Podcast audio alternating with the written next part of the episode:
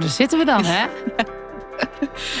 is Nou. toch anders dan die eerste keer dat wij elkaar ontmoetten in het ziekenhuis. Dat Ja. we allebei aan de chemo lagen. En Ja. ik dacht, een jonge vrouw. Ja, mijn telefoonnummers uitgewisseld. Precies. En ik Want, eh, sloeg jou toen op in mijn telefoon als lieve lotgenoot. terwijl ik je één sessie had gezien van de chemo. En wat ben ik blij dat ik jou ontmoet heb. Nou ja. Ja, dus daar zitten we hier. Ik ben Marlies. En ik ben Judy.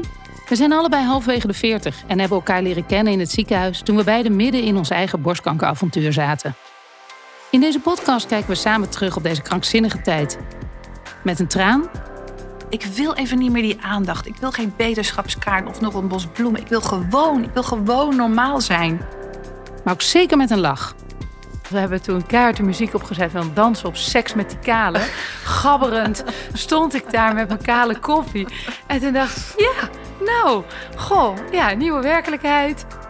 We gaan je met borstkanjes een eerlijk beeld geven over de ziekte... waar één op de zeven vrouwen mee te maken heeft, heeft gehad of gaat meemaken. We hopen er voor je te zijn op de momenten dat je eigenlijk wilt googlen... maar beter een vriendin kan bellen. We hopen er voor je te zijn als lotgenoot, maar ook voor iedereen om en heen. Wil jij iets bijdragen? Ga dan naar onze website www.borstkanjers.com.